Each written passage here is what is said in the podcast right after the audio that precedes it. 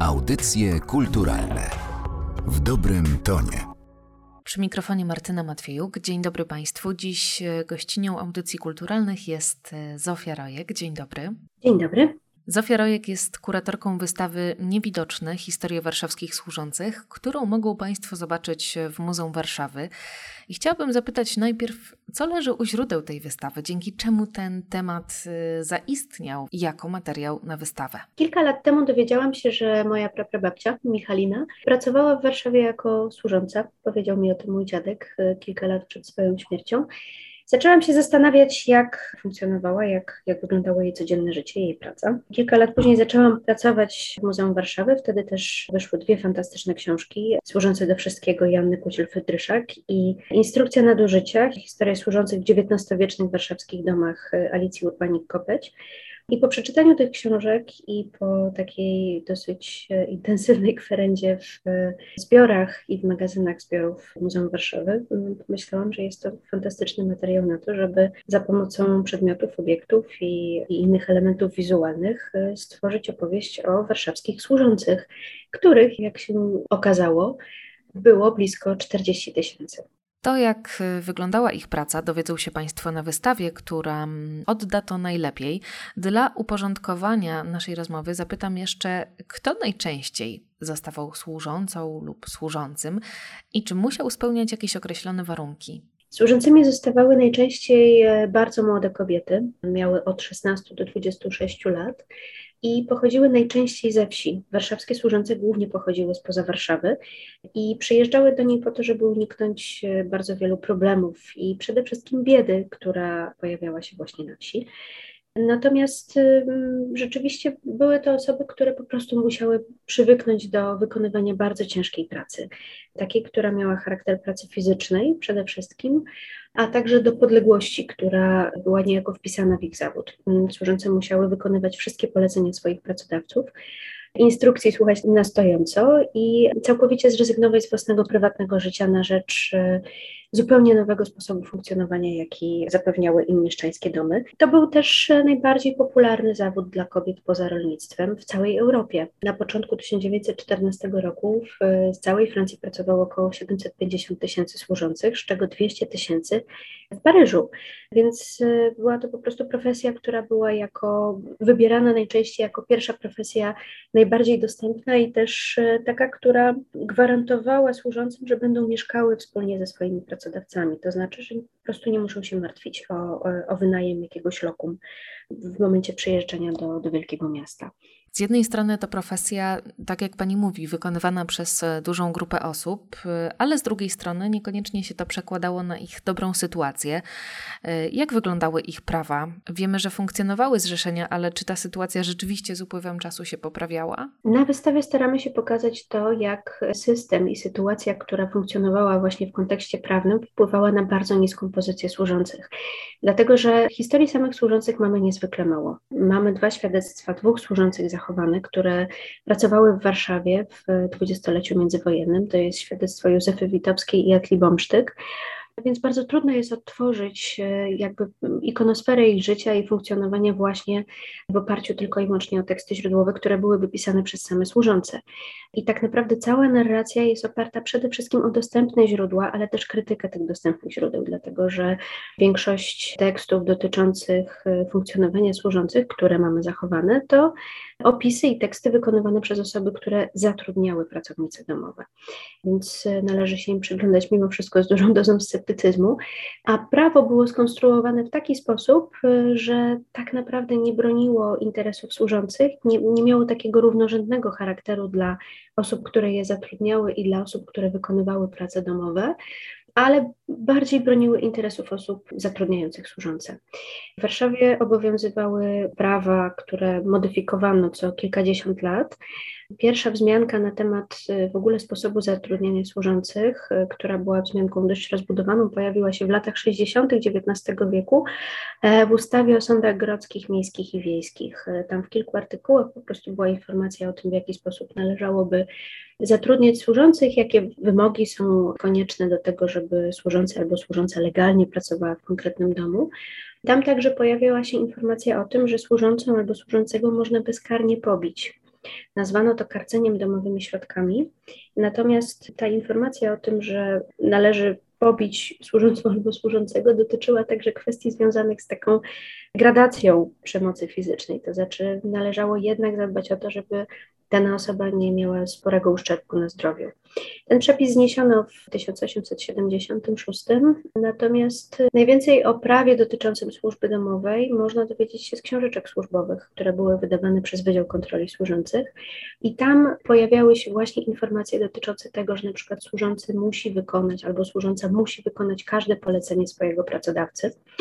To też ciekawe, że bo wszystkie dokumenty dotyczące właśnie zatrudniania służby domowej pisane są tylko i wyłącznie w osobie męskiej. Natomiast zdecydowaną większość pracownic tego sektora stanowiły kobiety. To było blisko 98% wszystkich osób zatrudnionych w sektorze służby domowej. Więc tutaj widać jednak dużą dysproporcję. Tak się zastanawiam, czy spotkała się Pani z pozytywnym wspomnieniem związanym z odbywaniem takiej służby? Tak, takie historie na pewno się zdarzały, oczywiście, dlatego że prawo i statystyki sobie, natomiast życie pisze zupełnie inne i też bardziej rozbudowane scenariusze, więc e, jak najbardziej historie dobrej e, służby również się zdarzały. I wspomniana wcześniej Józefa Witowska pisała, że pierwszą dobrą służbę odbyła właśnie u państwa z Warszawy, którzy akurat e, mieszkali w e, miejscowości znajdującej się blisko jej rodzinnej wsi, czyli w Kole. I Józefa zachorowała w pewnym momencie, natomiast e, państwo oczywiście jej nie odprawili, ale zajmowali się nią bardzo cierpliwie i troskliwie. Według zaleceń lekarza nacierano ją zimną wodą, a Józefa mogła spędzać cały czas, jaki miała przeznaczony na wykonywanie codziennych zadań na spacerach e, z córką państwa, z Czesią. Pani odciążała ją od wykonywania obowiązków takich jak gotowanie, pranie czy sprzątanie, więc takie sytuacje również się zdarzają, są one bardzo bardzo budujące i jest ich całkiem dużo tak naprawdę, jeżeli bierzemy pod uwagę też e, wspomnienia osób, które zatrudniały służbę domową. Natomiast tutaj też e, mam bardzo dużo sceptycyzmu z tego względu, że do tej pory często dostaję informacje na przykład o, od e, pewnych osób, w których rodzinie pracowały służące. I dostaję listy, w których na przykład osoba urodzona w latach, jeszcze w latach 30., przysyła zdjęcia swoich, e, e, pracującej u jej rodziców e, służącej, do tego służąca ewidentnie jest szczęśliwa w miejscu, w którym, w którym się znajduje, przytula dzieci, uśmiecha się do nich i uśmiecha się też do, do aparatu, więc możemy zakładać, że była zadowolona ze swojego miejsca pracy, tym bardziej, że na przykład przepracowała tam wiele, wiele lat. Natomiast sporo historii dotyczących właśnie dobrego traktowania służących i, i tego, że budowano z nimi głębokie relacje, mamy od osób zatrudniających służbę domową i tak naprawdę nie jesteśmy w stanie na 100% stwierdzić, że służące były bardzo szczęśliwe w tej rodzinie i że miało to na przykład taki charakter emocjonalny, osobisty, czy po prostu starały się bardzo dobrze wykonywać swoje obowiązki. I uśmiech e, wynikał z tego, że były w pracy a nie dlatego, że rzeczywiście czuły się zaopiekowane i bezpieczne. No właśnie, w mojej rodzinie też jest podobna historia, bo moja prababcia pracowała jako służąca w Warszawie. Kiedy miała 16 lat, to tata jej powiedział, że nie będzie jej już e, dłużej utrzymywał i została wysłana do Warszawy kilka lat przed II e, wojną światową. Dziadkowie opowiadają, że nie wspominała o tym zbyt często, mm, ale też się nie skarżyła na ten okres. Jak to jest z tą naszą pamięcią? Dlaczego nie potrafimy tak do końca o tym rozmawiać? Dlatego, że dla bardzo wielu kobiet e, praca na służbie mogła być traumatycznym doświadczeniem. I o tym też e, pisały wspomniane Etla i Józefa. Natomiast y, służenie kojarzyło się przede wszystkim z wykonywaniem czynności brudnych, takich, które kojarzone są z odpadami codzienności, z tym, czego nie chcemy widzieć, ale też stosunek do służących, który był stosunkiem obowiązującym, jakby obecnym w dyskursie publicznym, był bardzo negatywny. Służące traktowano jako, pisano o nich w, prasie, jako o nieskomplikowanych umysłowościach, jako o garkotłukach. Uznawano, że służące nie są równymi ludźmi względem swoich pracodawców, dlatego że służą, a nie pracują. I dla mnie najbardziej, e, najtrudniejsze tak naprawdę było w badaniu historii służących i, i, w takim starałam się zachować rodzaj obiektywizmu, co było naprawdę bardzo trudne.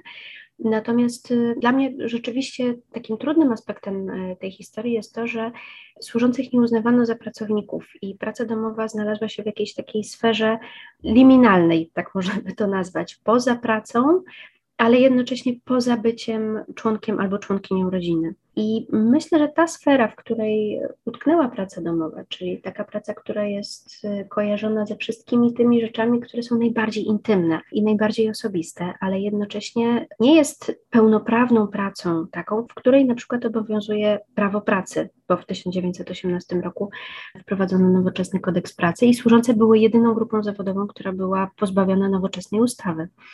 I też nie obowiązywało ich prawo, które obowiązywało innych robotników albo, albo pracowników innych sektorów.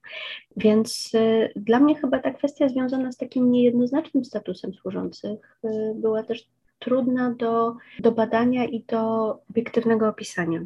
Mm, natomiast w mojej rodzinie też nie mówiło się nic na temat y, pracy Michaliny. Starałam się dowiedzieć czegoś więcej, niestety nikt nic nie pamiętał albo nie chciał powiedzieć, ale wydaje mi się, że jest to związane przede wszystkim z bardzo niskim statusem służby domowej.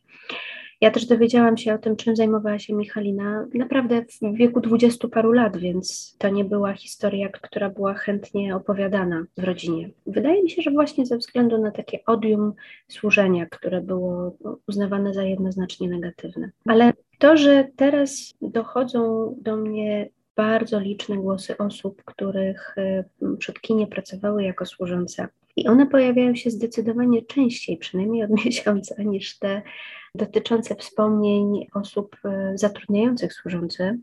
Bardzo mnie cieszy, dlatego że zaczynamy inaczej mówić o naszej historii, zaczynamy bardziej realistycznie podchodzić do, do tego, kim tak naprawdę jesteśmy. I to jest bardzo, bardzo dobre. A co się będzie działo z tym tematem dalej? Bo mam wrażenie, że to jest początek czegoś większego. Mam taką nadzieję. Znaczy, bardzo chciałabym, żebyśmy zaczęli publicznie rozmawiać o, o sprawach, które do tej pory są pomijane, dlatego że mamy dosyć jednorodny obraz historii, który jest y, sporym przekłamaniem. To się zmienia od ostatnich kilku lat i, i ten zwrot jest y, bardzo silnie widoczny, przez niektórych jest nazywany zwrotem ludowym. E, natomiast do tej pory dotyczył głównie literatury, głównie książek publicystycznych, popularno-naukowych, ale też y, świetnych opracowań i badań naukowych. I są to naprawdę bardzo, bardzo wartościowe publikacje. Natomiast ten sposób myślenia o, o przyszłości jednak cały czas y, jest w muzeach, mam wrażenie, nieco pomijany. A jeżeli już, to w jakiś sposób romantyzowany, ale to przede wszystkim ze względu na kształty kolekcji.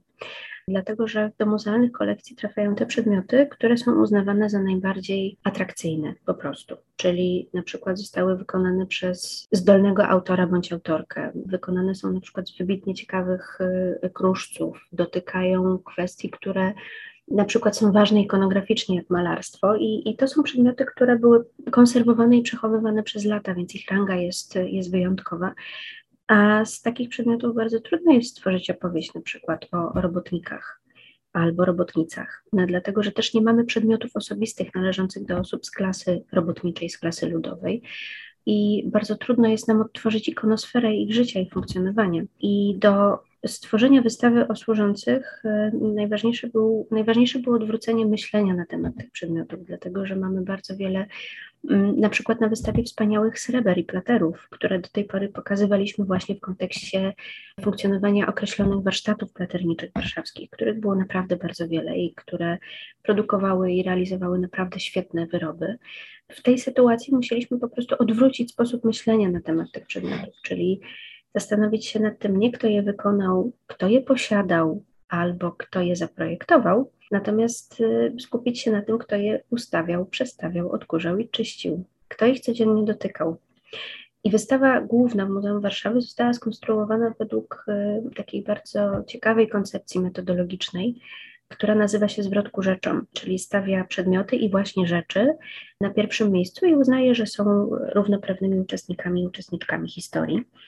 I ta wystawa jest niejako pociągnięciem dalej tej narracji, ale wzbogaceniem jej o wiele innych wątków i pokazuje, że mm, przedmioty także mogą opowiadać historię w momencie, w którym zaczniemy na nie inaczej patrzeć i inaczej je odczytywać i przy okazji opowiadają historię bardzo obrazowo. Fragment życia służących warszawskich mogą Państwo poznać odwiedzając Muzeum Warszawy i jeszcze do 20 marca wystawa jest dostępna. Ja bardzo gorąco ją Państwu polecam. Dziś na ten temat rozmawiałam z kuratorką ekspozycji Zofią Rojek. Bardzo dziękuję Pani za nasze spotkanie. Bardzo dziękuję. Audycje kulturalne w dobrym tonie.